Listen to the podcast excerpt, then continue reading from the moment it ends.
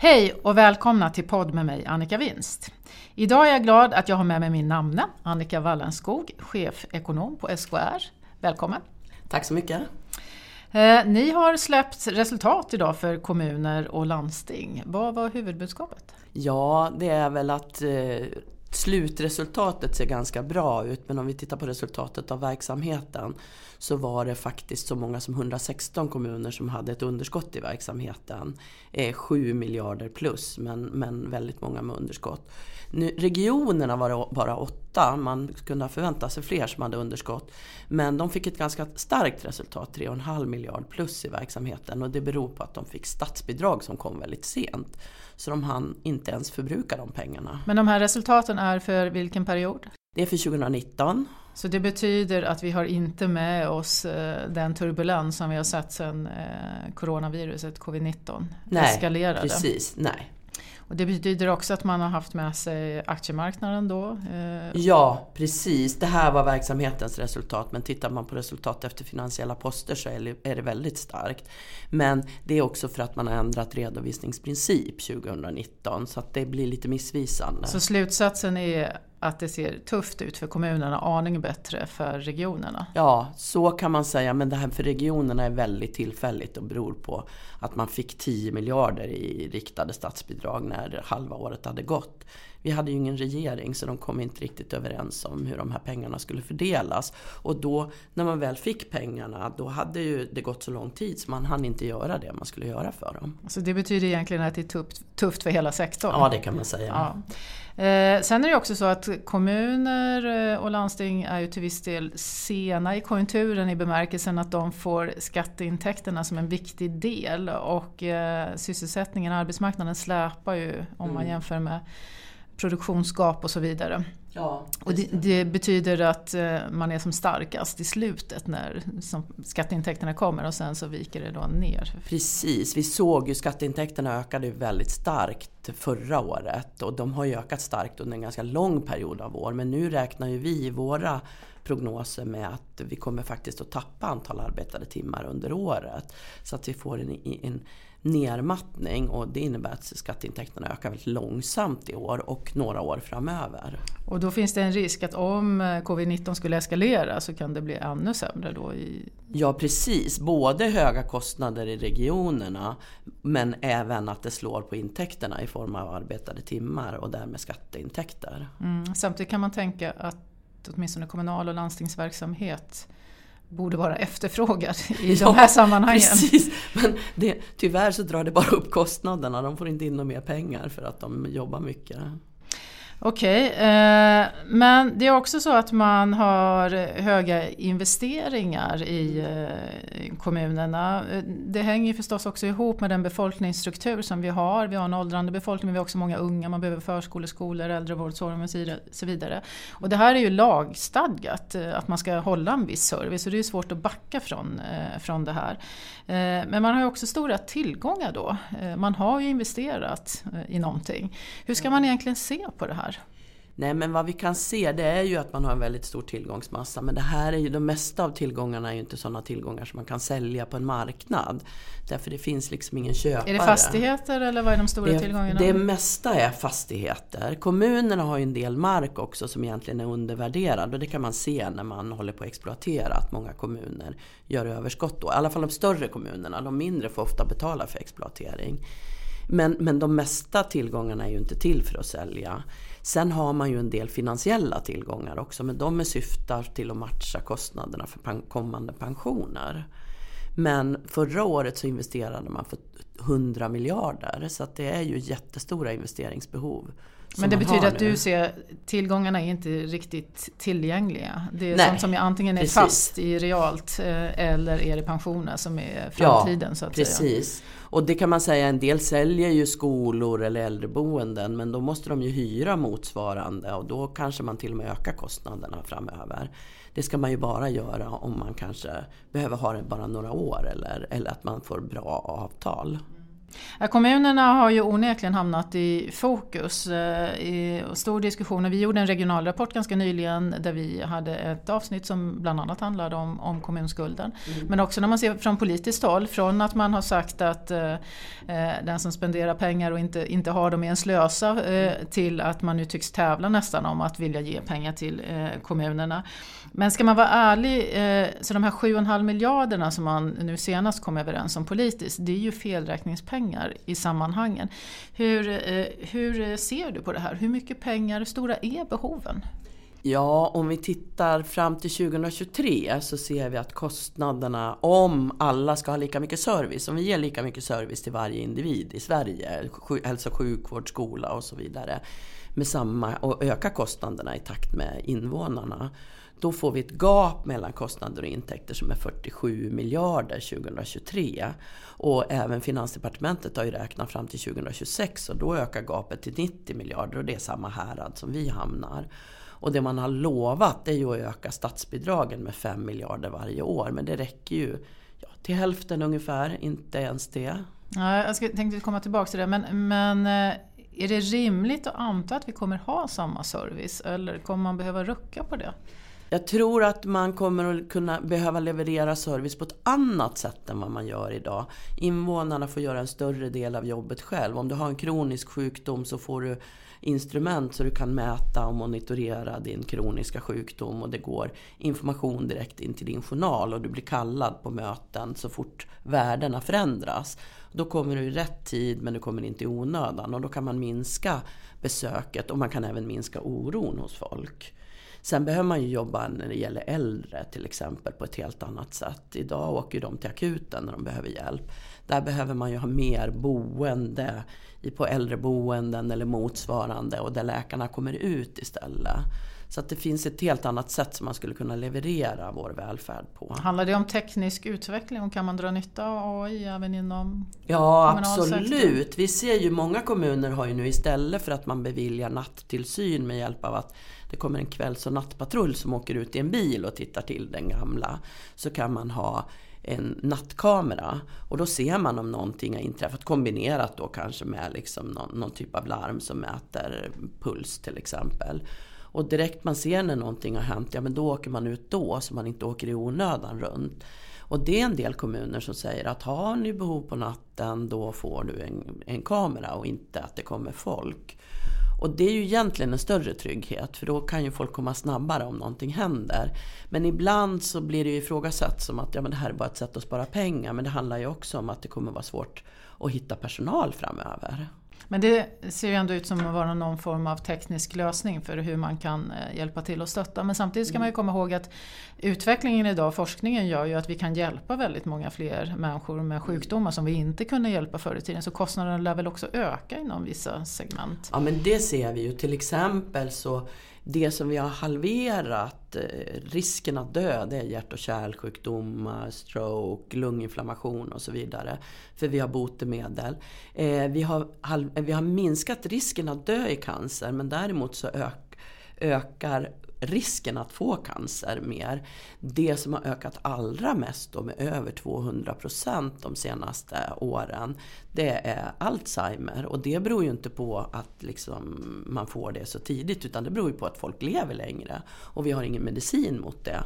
Så det innebär ju att vi kan ju se att kostnaderna, duktigare vi blir inom hälso och sjukvården, desto högre driver vi på kostnaderna. Mm, men det betyder ju också att prioriteringarna i framtiden kommer bli väldigt svåra. Eh, vi har en befolkningsstruktur som gör att vi har större utmaningar men vi har också en utveckling, eh, forskning som gör att eh, vi kan göra väldigt mycket mer. Mm. Eh, det känns som en ganska stor utmaning. Och samtidigt i samhället har vi ju en diskussion där många idag tycks uppleva att välfärden inte alls lika bra som den har varit. Och, och jag brukar eh, vara noggrann med att påtala att svensk välfärd fortfarande är världsklass. Men det mm. spelar inte så himla stor roll om man inte upplever det. Om man upplever mm. att den är sämre så kommer vi ändå rösta med fötterna och då ska du samtidigt hantera de här utmaningarna. Mm.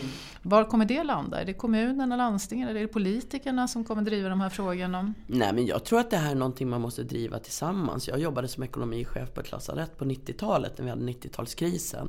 Och jag kan säga att under den perioden så halverade vi antalet vårdplatser.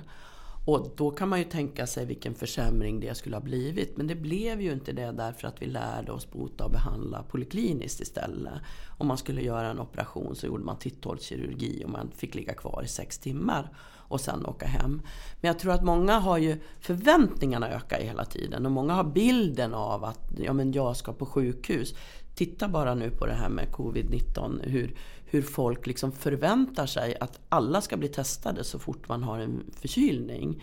Så att vi har väldigt höga förväntningar som växer hela tiden. Mm, ja, på något sätt är väl det rimligt i en välfärdsstat men samtidigt ja. så eh, det gäller ju också att hänga med. Det blir på något sätt var går eh, försäkringspremien för vad man faktiskt kan ja. få. Vad är rimliga ja. prioriteringar? Och de ja. prioriteringarna kommer ju vara väldigt svåra. Som individ gör du en prioritering, samhällsekonomiskt Precis. behöver du göra en annan prioritering. Ja. Men, men jag vet att du var i, i vården på 90-talet, det var faktiskt min nästa fråga. För jag vet också att uh, man gjorde enorma besparingar då och det gick. Och jag mm. tänker att det finns tre olika sätt egentligen att hantera den situation vi har kommit i. Ett är ju faktiskt att effektivisera och, och göra förändringar. Och ska man vara ärlig så är det ändå så att i en högkonjunktur som vi har varit under en lång period så sväller alla organisationer, även offentlig sektor. Och det finns förmodligen lite grann att ta på och utvecklingen går framåt. Och den tredje är ju eh, skatterna, att man kan jobba med, med sina egna skatter. Eh, problemet är ju att många kommuner redan har en ganska högt skatteuttag. Eh, det är inte alldeles lätt för alla eh, kommuner att höja eh, skatten. Och eh, det tredje var det som du själv var inne på innan, statsbidragen. Mm. Men om man tänker på hur du ser på de här tre, tre kombinationerna, kan man säga någon fördelning emellan framöver hur, hur det ser ut där? Eller? Nej, men vad man kan säga, en fundering som man kan ha, för de här statsbidragen har ju blivit väldigt mycket tillfälliga pengar och plötsligt får man pengar och så ska man göra av med dem snabbt och det blir väldigt ryckigt i verksamheten och svårt att planera. Och egentligen skulle man ju kunna fundera på om det är så att kommuner och regioner, för det är ju de som har de stora kostnaderna för demografin, det är ju inte statens verksamheter. Pensionssystemet har vi ju en automatisk broms eller balansering. Och då skulle man ju kunna tänka sig, ja men är det så att kommunsektorn skulle få ha en, e-, en större skattebas, en egen skattebas. Eller få ta del av en statlig skattebas så att man har de här långsiktiga planeringsförutsättningarna. För jag ser det inte som rimligt att man håller på att öka kommunalskatten. För det får så negativa effekter på olika sätt. Så av de tre alternativen så är kommunalskatten till viss del eh, stängd. Om vi kommer tillbaks ja. till statsbidragen. Mm. Mm. Besparingsmässigt och effektiviseringsmässigt, hur mycket kan man göra där? Det, där kan man också göra jättemycket. Jag ser bara mellan 2014 och 2018 så ökade antalet sysselsatta i kommuner och regioner och då var det egna anställda. För dessutom har man ju tagit in hyrpersonal och externa anordnare som bedriver ökade med 100 000. Och det kan man ju fundera på. Är det, märker vi att det är 100 000 fler som jobbar i välfärden nu än det var 2014? Och vad gör alla dem? Så att det finns mycket och jag ser ju våra nordiska grannländer, speciellt Danmark och Finland, de drabbades ju mycket mer av, av, finanskrisen än vad vi gjorde i Sverige. Och de har gjort ganska stora omställningar där man också har, har effektiviserat administrationen. Men i Sverige har det ju blivit, blivit bara fler och fler lagar. Hur mycket man ska dokumentera, mycket man ska följa upp och så vidare. Ja, det känner väl ni i bankerna igen också. Men, men, så det går mer och mer tid från andra saker än själva jobbet. Och det där är någonting som jag funderar på också. Men oftast är det ju väldigt svårt att göra eh, kostnadsnedskärningar eh, om man inte har kniven på strupen. Ja. Har kommuner och landsting eh, kniven så hårt på strupen att man faktiskt kommer vidta de här åtgärderna eller behöver det hända något mer för att man ska hamna i den situationen? Nej, men en del har ju redan vidtagit ganska många åtgärder och man kan ju se i Stockholm så har det räckte ju med liksom att man kom med ett varsel så har man ju minskat ganska många anställda. Det är ju ganska stora organisationer. Det var KI, sjukhuset ja, bland precis, annat som varslade. Precis. Det stämmer. Så att, så att det händer ju naturligtvis saker. Men, men jag funderar ju också på, jag vet det finns många undersökningar som tyder på till exempel att en socialsekreterare lägger 13 procent av sin arbetstid med att vara med klienter eller kunder eller, eller om de ska ta hand om. Då kan man fundera på, skulle man kunna göra något så man får upp den tiden åtminstone till 25 procent? Ja men det skulle ju ge enorma effekter. Ja, låt, låt oss hoppas ja. att man känner att, att kniven ja. är så hårt mot strupen. Att man ja, och ändå är de stressade. Alltså det är ju det som den där kombinationen. Hur kan vi få folk att få För jag tror att man blir stressad om man inte får ägna sig åt det man, man har utbildat sig Ja, du tänker för. att personalen är stressad? Personalen ja. är stressad, mm, ja. Mm, ja, jo det är klart. Eh, om vi går till den tredje eh, delen då, eh, statsbidragen. Så det där pendlar lite fram och tillbaka om det är generella eller om det är riktade statsbidrag. Och för er som lyssnar och inte har, håller på att nörda ner i det här varje dag så eh, riktade statsbidrag talar ju då om vad man ska använda pengarna till och det finns krav på dem man får betala tillbaks om man inte uppfyller de kraven. Och sen har vi då generella där man själv eh, bestämmer. Och, eh, min syn är att eh, man förlitar sig för lite på att kommunerna själva kan eh, bestämma det här. Men vad är det som är så viktigt i det här att man ska bestämma själv? Att, eh... Det handlar egentligen om två saker. Det ena handlar ju om att bestämma själv. Men sen handlar det ju dessutom om att man får långsiktighet. Nu har man ju, tycks man ju ha uppfattat att man vill ha generella pengar. Men ja, det har, har svängt man, lite på sista precis, tiden. Mm. Men nu har man istället börjat ge dem tillfälligt. Och det ju löser ju inte problemet. problemet. För då kan man ju inte ändå anställa folk för dem. Vet man att ja, men vi får ett visst antal miljarder i år men vi får inte behålla dem. Då, då vågar man då inte. Vågar man inte. Ja. Alltså det är långsiktigheten som ja. är minst lika viktig som att själv kunna fatta beslut. Ja, precis. Om, äh, och just de här riktade bygger ju ofta på att man ska bygga upp någon typ av projektverksamhet. Och sen tar pengarna slut, ja då står man där med högre kostnader och har alltså skapat en ineffektivare verksamhet. Ja, äh, stora utmaningar. Men det är också så att äh, om man tittar på det så har den kommunala skulden då ökat. Det ser ju inte riktigt likadant ut i alla eh, kommuner och regioner men, men den har ändå ökat ganska ordentligt den senaste tiden. Medan vi har en ganska låg statsskuld i ett historiskt perspektiv också jämfört med många andra länder. Och då pågår det ju en diskussion. Är det så att staten skulle kunna ta en del av kommunernas skuld? Men här får man ju då problem med moral hazard, det vill säga att Eh, beter man sig på ett sätt så vet man att någon annan räddar upp en. Då kan man börja bete sig slarvigt. Eh, hur ser du på det här? Hur kan man liksom eh, hantera den utveckling som vi har hamnat i? Nej men jag, det fanns ju ett förslag i den här kommunutredningen som la ett sitt betänkande här nyligen att alla kommuner som slog ihop sig skulle staten ta över deras skulder. Det tyckte vi var ett ganska galet förslag. Det kunde handla om 500 miljarder. Det är klart att staten inte kommer att göra det. Men däremot så tror jag att man kan behöva investeringshjälp eller investeringsstöd till många kommuner. För att till exempel bygga ut så vi får bredband i hela landet. Eller att vi får liksom VA-anläggningar som fungerar i hela landet. Så att om staten ger ett investeringsstöd istället för att ta över skulderna tror jag är kanske en bättre lösning. För det finns ju en del kommuner som har gjort sig skuldfria. Jag tänkte precis säga, det kan ju också upplevas ja. väldigt negativt ja. av de som har skött sig och ja. varit ansvarsfulla. Och precis. det är ju inte uteslutet att det drar iväg om Nej. man vet att någon hela tiden eh, räddar upp en. Eh, och, eh, tror du att vi kommer få se den här sortens investeringsstöd och hur lång tid tar det? Jag vet inte, vi, vi la ju fram det som ett motförslag till det här med skulderna. Eller i, i samband med att kommunutredningen presenterades. Och det finns ju, det var ju, de var ju inte helt eniga politiskt om den heller. Så det finns ju ändå många mm, politiska partier som ser att det här skulle vara en bra möjlighet. Och man vet ju också om vi ska klara av att digitalisera välfärden, då måste det ju finnas bredband i hela landet. Annars kommer vi aldrig kunna göra den här förändringen med digitala kameror och allt det här som vi pratar Men du, om. Då ser du snarare som att det är investeringspengar än det är mm. bidrag. För om det blir bidrag till bredband då blir de eh, specifika. Eller? Ja, alltså att det blir invester alltså stöd, att man kan söka någon sorts stöd för att investera. Sen mm. kanske inte staten ska ta hela. Men en liten kommun har ju inte själva råd att göra alla de här investeringarna. Det är ju VA-nät också mm. som är jättedåliga i många kommuner. Och ofta är ju det de här kommunerna som har få invånare också väldigt glesa. Och Så en att, åldrande befolkning ja, på många håll precis. också. Med, ja färre skattebetalare. Det var min nästa eh, punkt här. Vi har ju väldigt många kommuner, eh, det beror på hur man ser på det, men, mm. men en del, del av dem är små i alla fall. Mm. Och man har från och till försökt att slå ihop regioner. Mm. Eh, alltså om vi bara bortser från hur, mm. hur det faktiskt är och hur svårt det är att göra de här diskussionerna. Eh, skulle vi tjäna på om vi hade större regioner och vad är det man vinner på att göra det i så fall? Större regioner tror jag definitivt att vi skulle tjäna på, därför vi ser att det finns mycket mycket inom hälso och sjukvården. Special, alltså den har blivit mer och mer specialiserad. Och då behöver man färre ställen som man utför viss typ av operationer på till exempel. Eller vissa specialiteter som bör finnas på färre ställen. När det gäller kommunerna så tror jag inte det är så mycket vunnet på det. För de små kommunerna, de är ju också väldigt stora till ytan. Och vi har ju sett exempel från andra länder när man ska slå ihop sådana. Ja, då blir det bråk om var ska kommunhuset vara?